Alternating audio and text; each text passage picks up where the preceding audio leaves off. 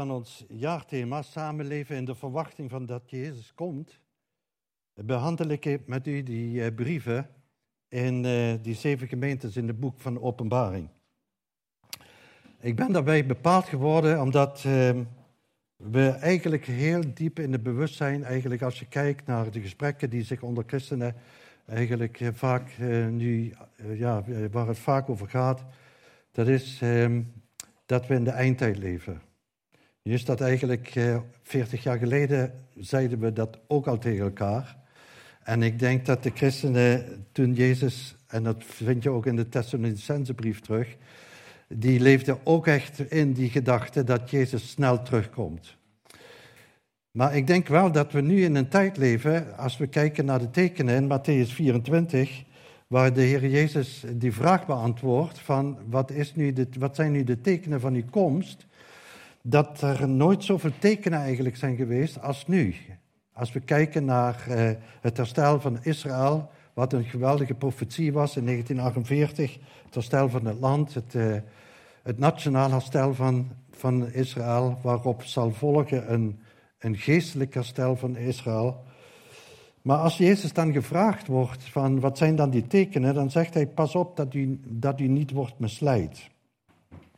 En dan komen er een opsomming van, eh, van tekenen van eh, wat eigenlijk staat dat het niet enkele profeten zijn die de misleiding eh, zullen verkondigen, maar vele valse profeten. Vele zullen misleid worden. De wetteloosheid zal toenemen en de liefde van velen zal, zal verkillen. En die brieven, die zeven brieven die aan die zeven gemeenten in openbaring wordt, uh, wordt uh, geschreven, die geven eigenlijk een beeld, daar ben ik echt van overtuigd, vanaf het moment dat Pinksteren is tot aan de opname van de, Heer uh, Jezus, van de gemeente, als de Heer Jezus terugkomt, dat dat een beeld geeft wat in de gemeentes kan zich afspelen. En ik denk dat elke brief die geschreven is, dat dat voor elke gemeente aller tijden en dus ook voor onze gemeente eh, gaat beschrijven de zegen die er is, de misleidingen die er kunnen zijn en de bedreigingen. En ik heb die brieven, die heb ik zo gelezen, dat het, eh, je bent snel geneigd om te zeggen dat is een brief aan de gemeente in Pergamus, die we vanmorgen gaan bespreken. Maar als het gaat over een brief aan de gemeente te Pergamus, gaat het over mensen die de gemeente vormen in Pergamus. Je kunt het soms zo anoniem eigenlijk en zo buiten jezelf plaatsen, dat je zegt van het gaat over de gemeente, maar de gemeente dat bent u. Dat ben jij. En het gaat dus ook in deze brieven over ons, over jou persoonlijk. Althans, je kunt het zo, en denk ik, toepassen. En eigenlijk gaat het erom dat als Jezus terugkomt, of hij nog broeders en zusters vindt die waakzaam en biddende zijn komst verwachten. En die derde brief die geschreven is aan Pergamus, daar eh, gaat het eigenlijk over waarheid. Wat ik altijd doe, ik probeer althans dat uh, altijd te doen, dan lees ik zo'n stuk, dan lees, ik zo'n brief en dan probeer ik uh, de brief te kenmerken met één woord. En als je dan kijkt naar die brieven, dan zie je dat het uh, kenmerk van die brief die we behandeld hebben naar Efeze, dat kun je eigenlijk samenvatten met het woord liefde. Dat is het woord in die Efezebrief, die eerste liefde. De vorige, de vorige brief die we dus hebben behandeld was in Smerda. En daar kun je eigenlijk zetten lijden. Volharden in het lijden. En nu, vanmorgen, gaan we dus over die brief in Pergamus eh, eh, eh, nadenken. En dat wordt, wat je daar, die samenvatting die je kunt geven over deze brief, is waarheid. Waarheid in het verborgene. En in het schriftgelezen, wat we zo dadelijk eh, eigenlijk lezen, daar staat dat de Jezus tegen deze gemeente zegt, bekeer u, en zo niet, dan kom ik spoedig bij u en zal ik tegen hen oorlog voeren met het zwaard van mijn mond. Die hen, dat zal ik jullie dadelijk uitleggen wie dat zijn. Maar toen ik dat gelezen had, toen dacht ik aan een titel van de preek, wanneer het verkeerd is om aardig te zijn. Er zijn momenten dat het verkeerd is om aardig te zijn.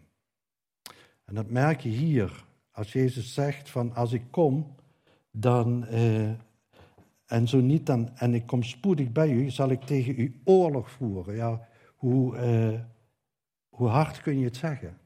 Met het zwaard van mijn mond.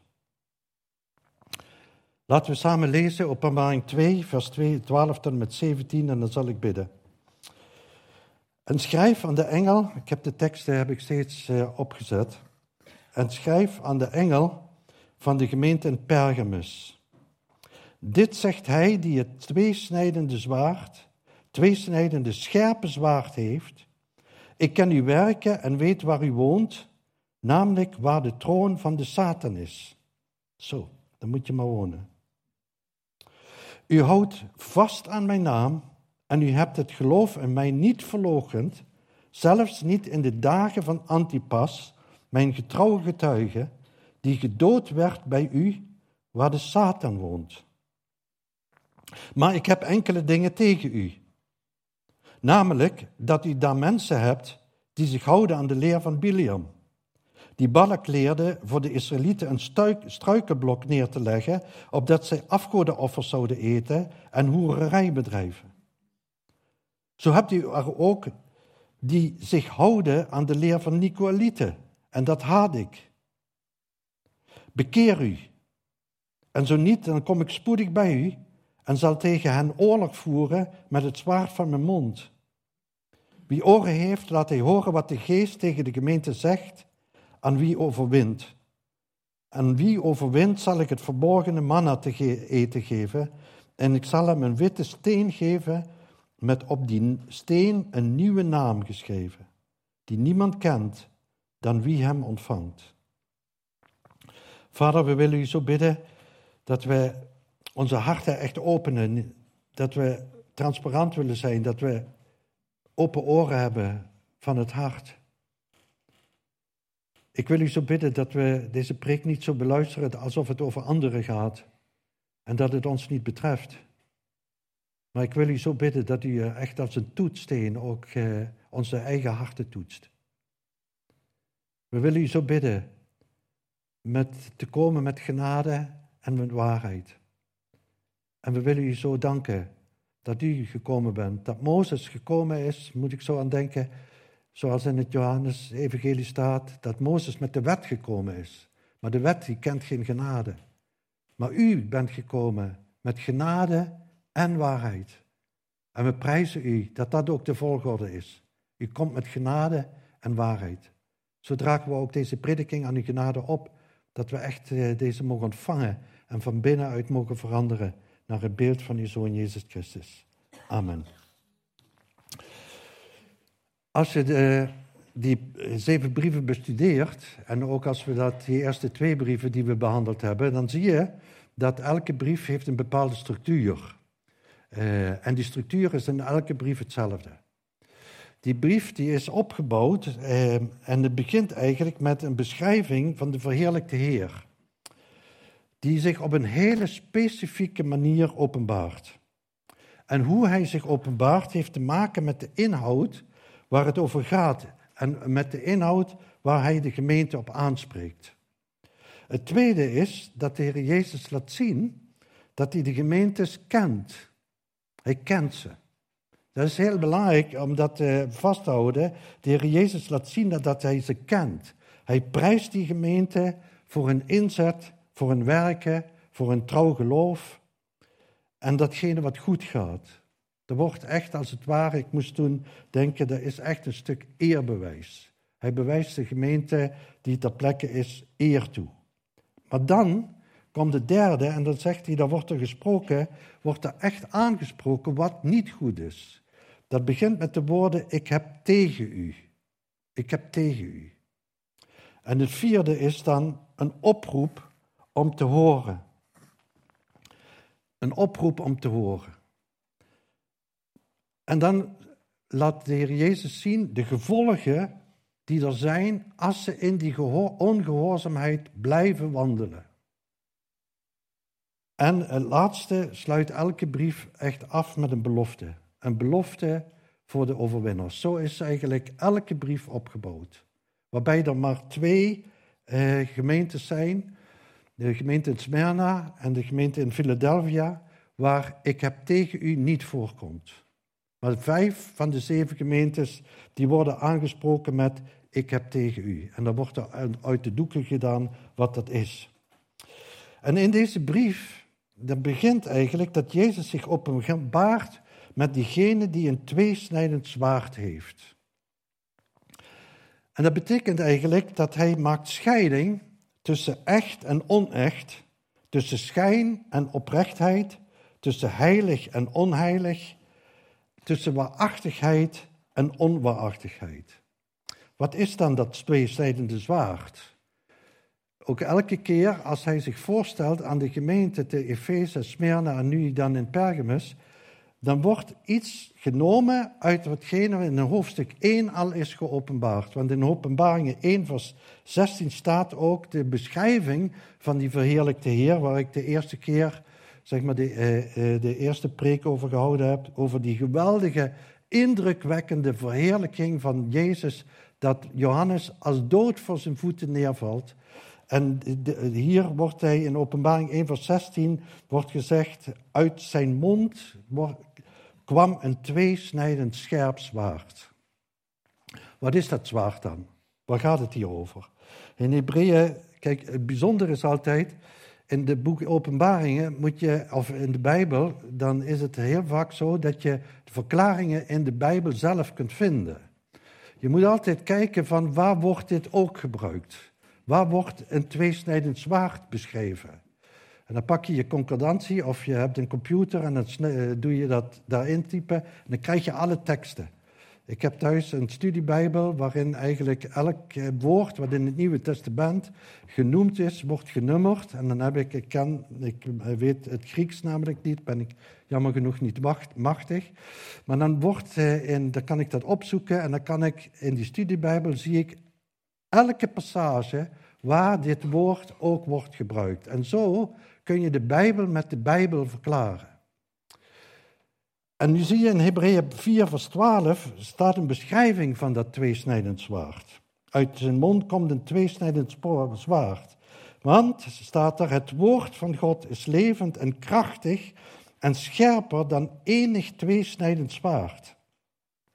En het dringt door tot op de scheiding van ziel en geest, van gewrichten en merk en het oordeelt de overleggingen en de gedachten van het hart.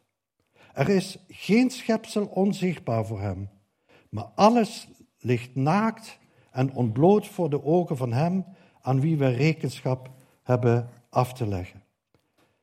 Dat is de beschrijving van dat tweesnijdend zwaard. Dat kun je eigenlijk dan ook zien van, dat is Gods woord wat zo scherp komt uit de mond van de Heer Jezus, die zelf het woord is en het levende woord spreekt.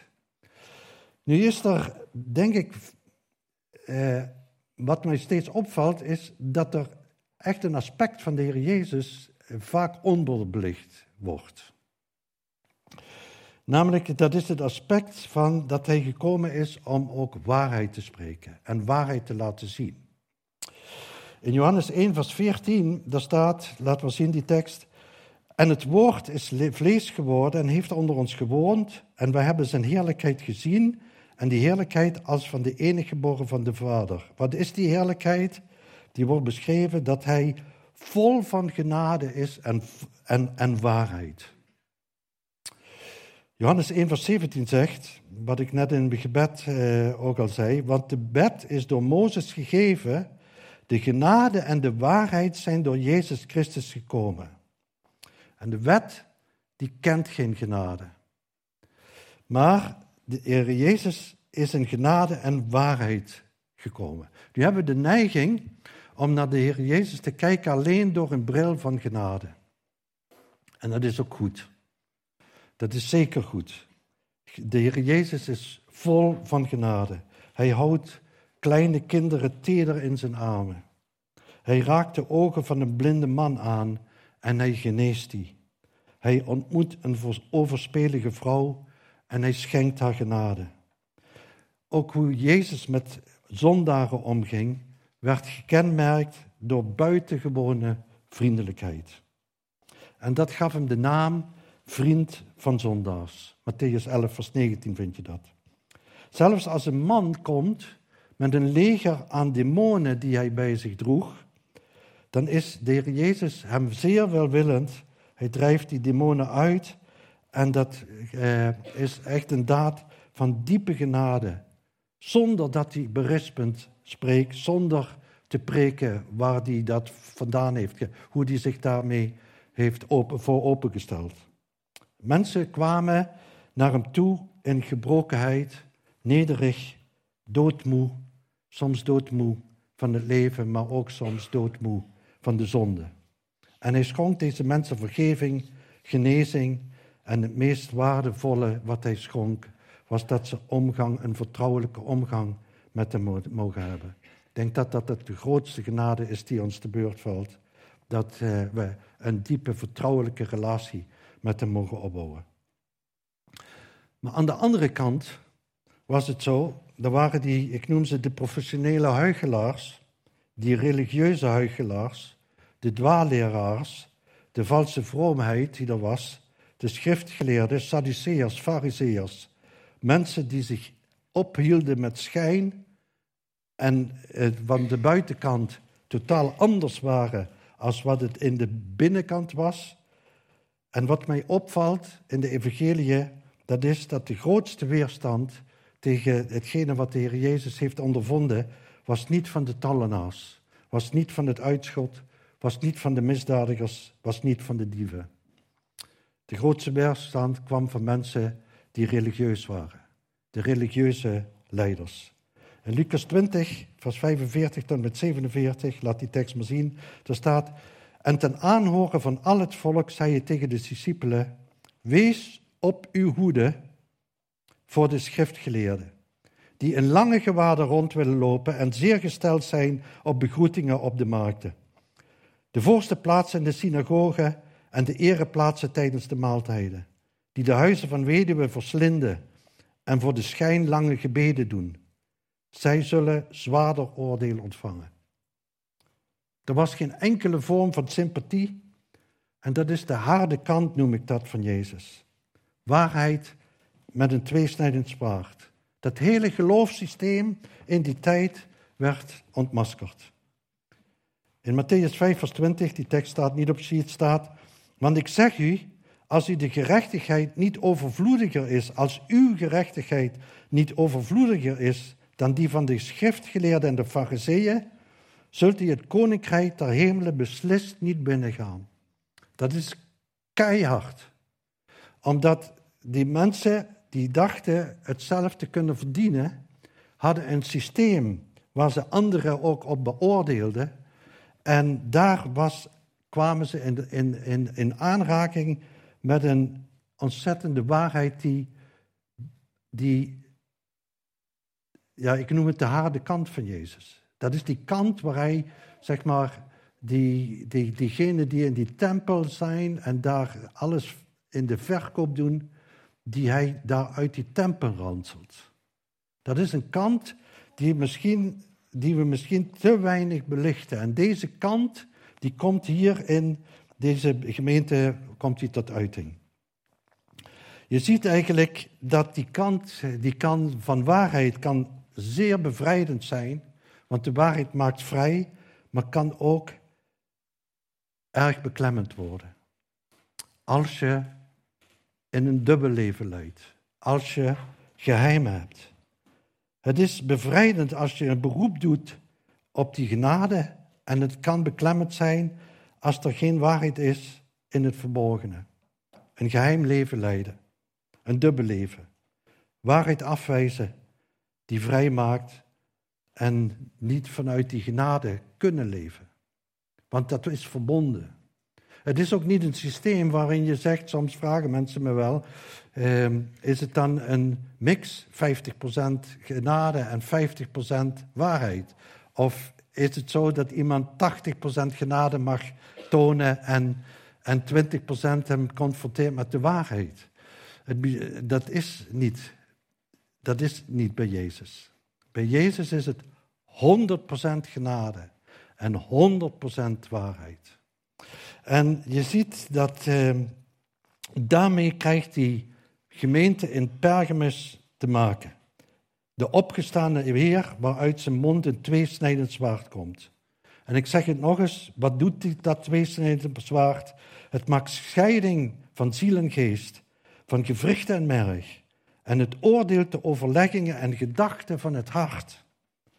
Er is geen schepsel onzichtbaar voor hem, maar alles ligt naakt en ontbloot voor de ogen van hem, aan wie wij rekenschap hebben af te leggen. En Jezus zegt tegen de gemeente, ik ken uw werken, ik weet waar je woont, namelijk daar waar de troon van Satan is. Als je een beetje kijkt naar die stad, Pergamus, in die tijd schatten ze dat er tussen de 120.000 en 150.000 mensen zouden eh, hebben gewoond. Het was het centrum in Klein-Azië en het, ook het centrum van de keizerverering. En in die stad waren drie hele grote afgodentempels. Die stad was een centrum van occulte machten. En de, dat was niet zomaar wat. Dat wordt eh, geschreven, daar woont de Satan. Daar is de troon van Satan. En in die tijd, en zeker in die stad, was het zo dat er een enorme cultus was van, keizer, van de keizerverering. En christenen die werden gedwongen om eh, de keizer te eren met het woord Curios. U bent de Curios. Maar de Curios betekent Heer. En in het Nieuwe Testament, als er Heer staat, staat het de Heer Jezus, dan staat er Curios. De Curios Jezus. De Heer Jezus.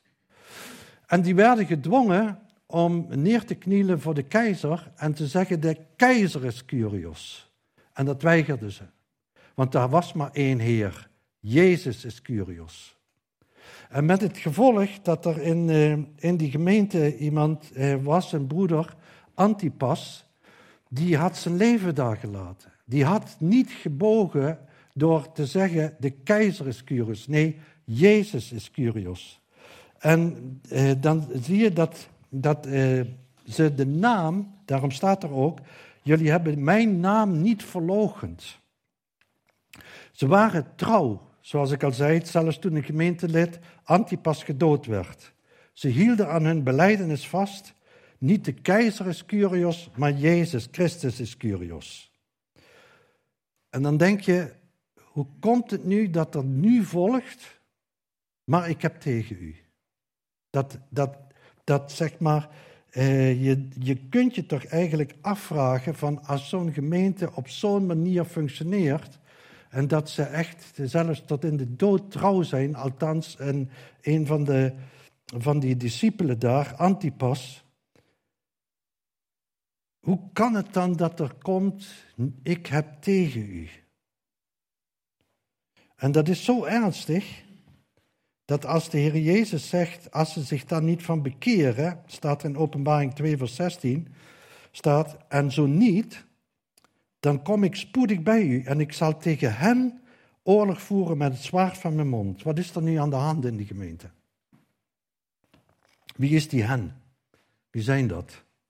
Die hen is dat de gemeente tolereert slechte mensen die een dwaallering leren en die een dubbel leven leiden. Van Biliam moet je thuis maar eens opzoeken. Nummer 22 tot nummer 24 gaat over die uh, Biliam. Die Biliam was een man, een profeet, een, een, een, iemand die profeteerde. En aan de ene kant zegende die het volk, en aan de andere kant werkte die mee dat er aan de, ondergang uh, gewerkt werd. Het was een, uh, iemand die een compromis gesloten had met de leugen en ook waarheid verkondigen. Je kunt eigenlijk, hij, dat was een leer van, je kunt tegelijkertijd God eren en God dienen en God aanbidden en aan de andere kant ook afgoden in je leven tolereren. Afgoden waar voor buigde. voor neervielen. Een dubbelhartig leven, een heidendom wat vermengd was met christen zijn. Nu, als we over afgoden spreken, dan hebben we het vaak, eh, denken mensen over beeldjes en dergelijke, en wierook. Ik heb er een hele serie over gesproken. De afgoden in dit eh, leven, dat zijn de afgoden van geld, van succes, macht, carrière, hebzucht, schoonheid, aanzien. En we moeten deze leer van Biliam, daar moet je niet zo neerbuigend over afdoen. Dat is, was van toen, die tijd. Dat speelt zich ook in ons leven af en dat speelde zich ook in de gemeente af.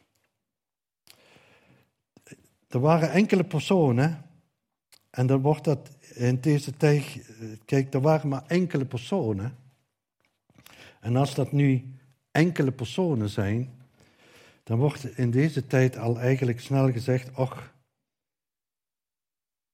iedereen mag geloven wat bij hem past. Je mag toch eigenlijk doen wat wijs is in je ogen, wat goed voelt, dat is toch ook goed. Hoe vaak dat ik dat niet hoor. Het voelt goed, dus is het goed. Kijk eens met hoeveel oprechte gelovigen we zijn. Het zijn toch maar enkele. Laat ze toch in gang gaan. Hoe vaak dat ik niet in die 40 jaar gehoord heb. Wie zonder zonde is, werpen de eerste steen. Moeten we dan als politieagenten op elkaar letten? Natuurlijk niet. Waar gaat het hier om? Het gaat hier om mensen die zich houden aan de leer van William en de gemeente liet hun hun gang gaan. De gemeente liet hen gewoon hun gang gaan. Weet je, als het gaat over onberispelijkheid, als het gaat over eh, wat het betekent gewoon om je te bekeren, moet ik eigenlijk altijd denken aan David. Zo moeten we met elkaar omgaan. Het is namelijk zo, in, van David, staat in 2 Samuel 22, vers 24, dat hij van zichzelf zegt. Maar ik was, moet je goed luisteren, de meeste van jullie kennen zijn leven. Maar ik was onberispelijk voor hem en wachtte mij voor ongerechtigheid. Dan denk je, hé hey, David, heb je het over iemand anders? Onberispelijk. Je hebt overspel gepleegd. Je hebt een enorme puinhoop van je gezin gemaakt. Er is een moord gepleegd. En toch zegt God, de maatstaf die ik aanleg voor andere koningen, die wordt dan beschreven en ze wandelde in de voetstappen van David. Hoe kan dat dan nou? Onberispelijk. Dat hij zegt, ik ben onberispelijk. Het gaat hier eigenlijk om dat hij, Psalm 51, tot inkeer komt en daar diepe berouw van heeft. Hij erkent dat hij fout is geweest, dat er zonde is in zijn leven geweest. Hij, hij beleidt het voor God. Hij ontvangt vergeving en hij laat na om dat weer te doen. En dan zegt eh, David, ik ben onberispelijk. Hij gaat niet door in de zonde. En op het moment dat mensen zondigen en je ziet dat ze echt hun knieën buigen, dan worden ze in Gods ogen, doordat die schuld op Christus is gelegd, onberispelijk. En zo mogen we met elkaar omgaan. Maar daar gaat het hier niet over. Waar het hier over gaat is dat zij zich niet bekeerden en de gemeente laat het gewoon lopen. De gemeente laat het zo gaan. En tot wie komt die oproep? Tot wie, eh, weet je, het is zo dat, dat eh, het gaat om degenen die met de mond beleiden dat Jezus Heer is en een totaal ander leven leiden. Of het wel een beetje op de loop laten.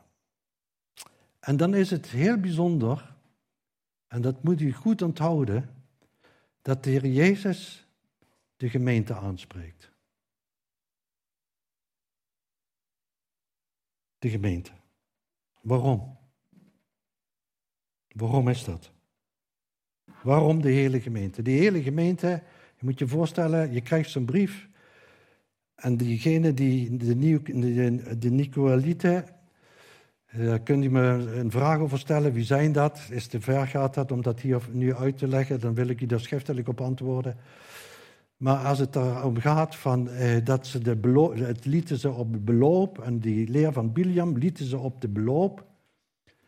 En dan is het zo dat de Heer Jezus de gemeente aanschrijft. Waarom?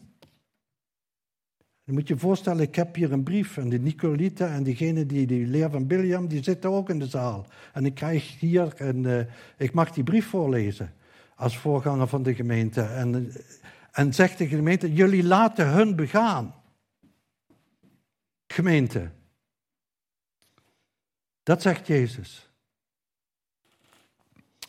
En ik moest eraan denken, waarom is dat als je naar de dokter gaat en je hebt klachten en je komt in een scan terecht en de, de arts die zegt tegen je, ja Miel, maak je geen zorgen, je hart is goed, je nieren zijn goed, je lever is goed, je longen zijn prima in orde, je hebt alleen een tumor, een kwaadaardige tumor in de hersenen.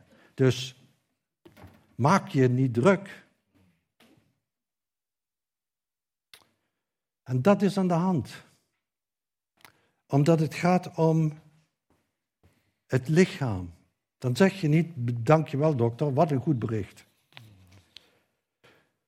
Je zou hem niet verwijs verklaren dat hij zoiets zegt.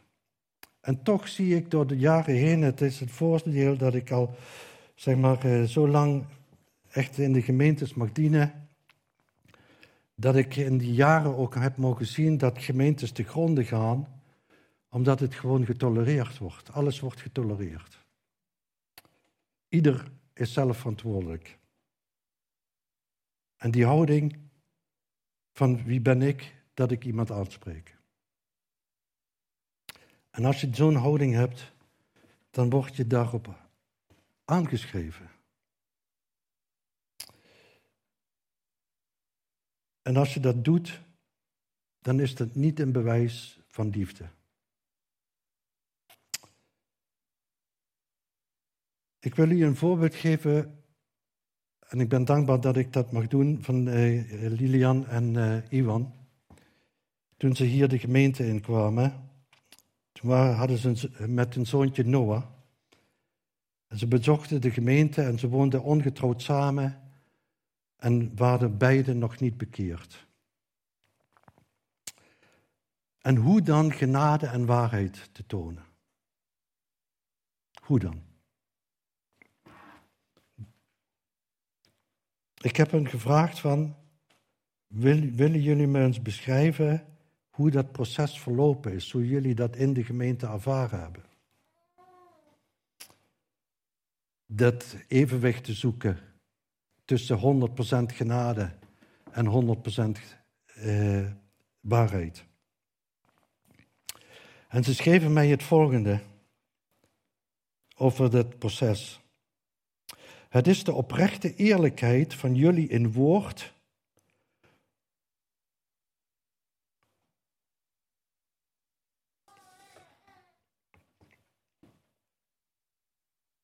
Het is de oprechte eerlijkheid van jullie in woord, zonder doekjes erom te winden, die zorgde voor duidelijkheid en de kaders die wij zochten, hoe we een en ander konden invullen.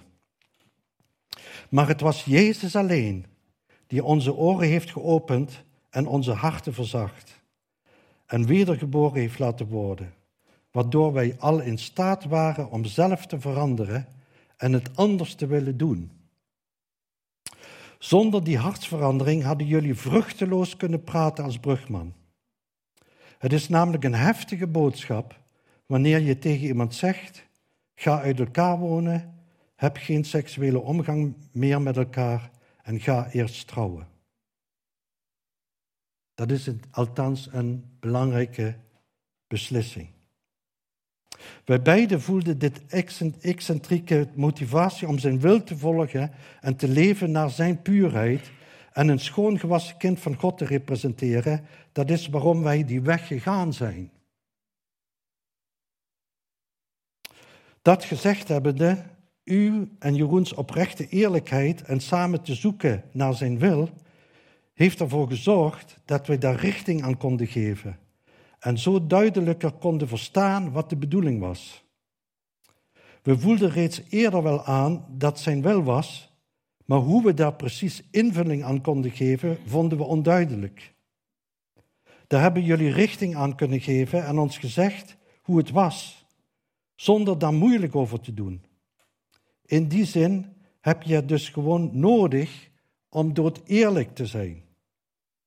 Als jullie als zachte heelmeesters waren geweest, was de beweging die wij voelden en meemaakten, en nu luister, als jullie als zachte heelmeester waren geweest, was de beweging die wij voelden en meemaakten minder radicaal geweest.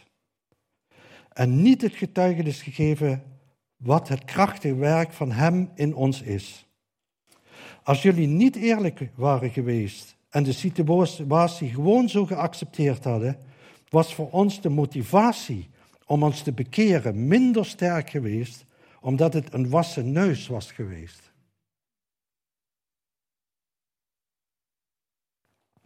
We zijn juist mede tot bekering gekomen omdat het evangelie zo puur en rauw is en compleet haak staat op de wereld die we kennen. Waardoor we wisten, dit moet echt zijn. Jullie recht door zee eerlijkheid in het uitleggen hoe Gods wil te zoeken en daarin het juiste te doen, droeg daaraan bij. Hartelijk dank dat ik dat mag citeren. Waar gaat het om? Wat is die weg dan van Jezus? Natuurlijk kun je alleen spreken als iemand Jezus Heer en Verlosser als Heer en Verlosser aanvaard heeft. Het heeft natuurlijk geen zin om mensen die binnenkomen, die hebben niet de nood dat ze eh, niet in de weg van God wandelen. De nood die ze hebben is dat ze Jezus niet kennen. En dat is onze eerste opdracht. Niet als een politieagent, maar onze eerste opdracht is hun met de genade van Jezus Christus in contact te brengen. Hun de genade te laten zien. Dat iemand dan als Heer en eh, Verlosser de Heer Jezus ziet en echt aanvaardt. Want niet eerder heeft iemand de kracht of het karakter om uit zichzelf die weg van waarheid te gaan. Maar als je Jezus kennen en Hem aanvaarden en je houdt van de mensen, dan vertel je ook waarheid. Je vertelt wat iemand gelukkig maakt. En je vertelt, hoe moeilijk het ook is, recht door zee, wat de weg is die Jezus ons laat zien. En dat is te trouwen, je laten dopen, de zegen te ervaren in de gemeente, van een zegen te vragen over het huwelijk en het opdragen van je kind. En dat geluk wil je toch niemand onthouden? Dat wil je toch niemand onthouden? Het gaat er toch niet om dat je met iemand. Iemand eh, met de vinger wijst. Ik ben ehm, daar emotioneel onder, omdat ik zoveel tegenstand soms heb ervaren in die jaren.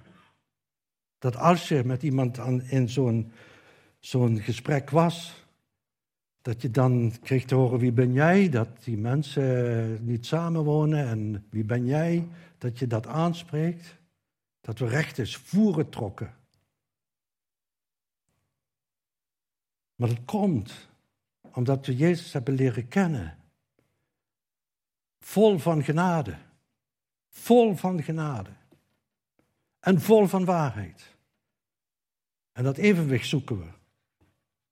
En het is zo prachtig om hier in deze gemeente echt dat mogen beleven.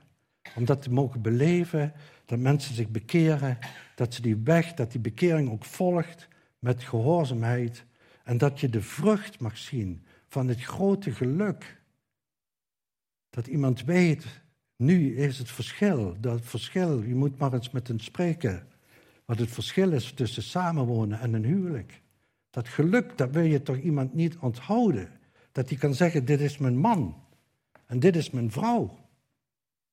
In plaats van, dit is mijn vriendin.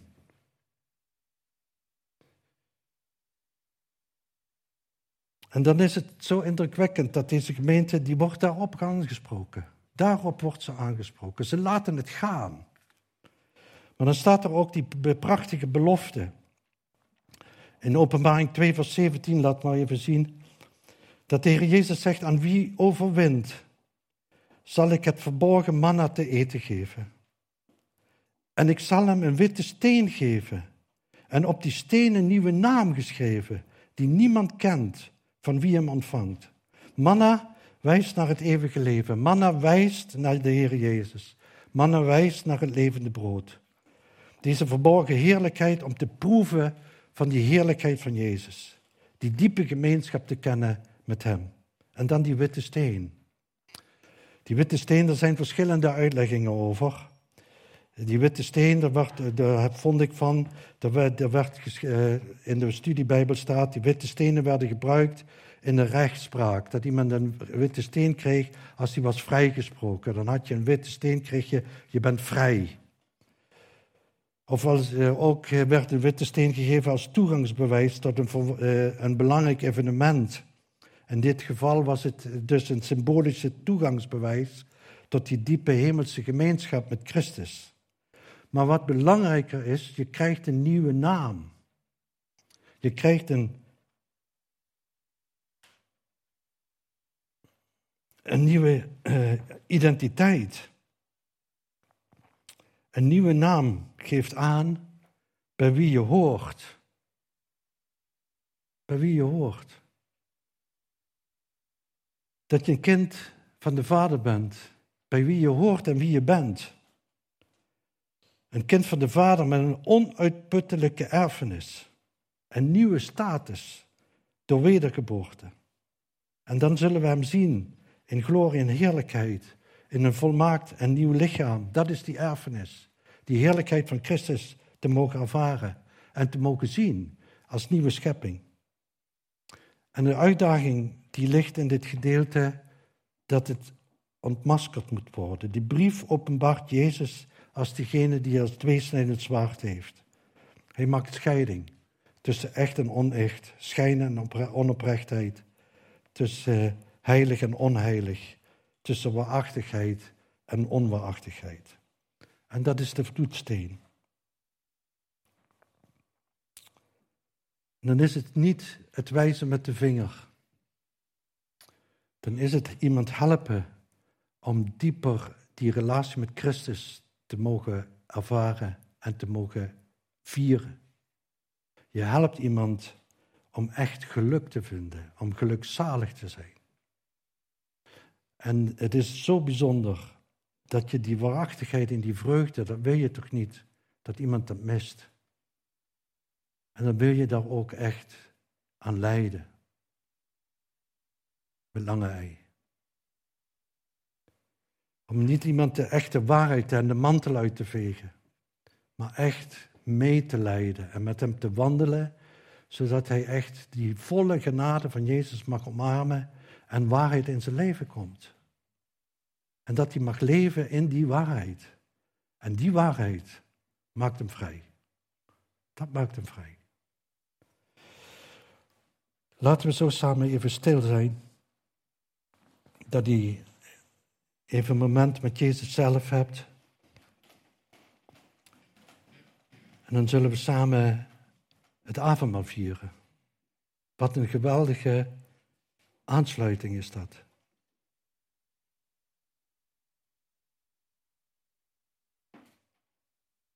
Vader, dank u. Dank u wel.